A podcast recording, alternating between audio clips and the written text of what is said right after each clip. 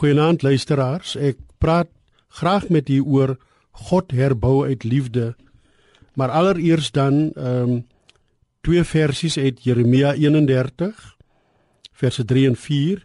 Lank gelede reeds het die Here dit aan ons bekend gemaak. Ek het jou lief met 'n liefde wat nooit ophou nie. Ek trek jou met troue liefde na my toe.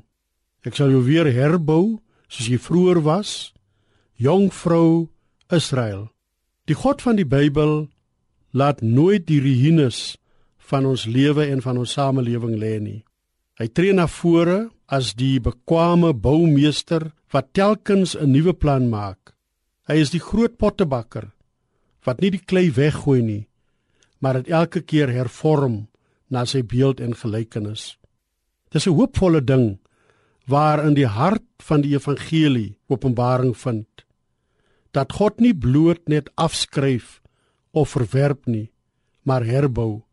Bymal as ons self iets oor moet maak, gaan dit met 'n mate van ongeduld en selfs wrevel gepaard. Dalk is ons gewoon net kwaad vir onsself omdat ons nie die taak van die begin af reg uitgevoer het nie.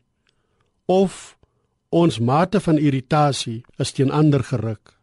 By God werk dit heel anders.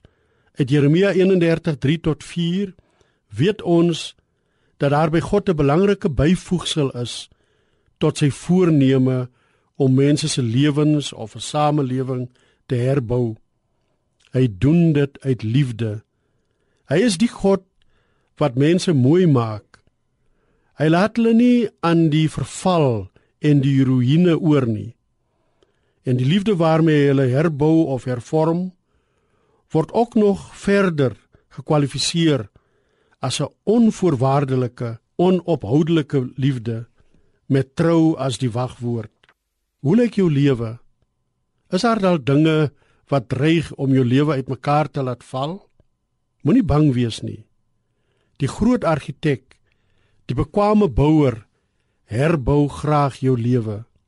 Here, baie dankie vir die goeie nuus dat wat die toestand van ons lewe ook al mag wees, U wil dit liefdevol herbou.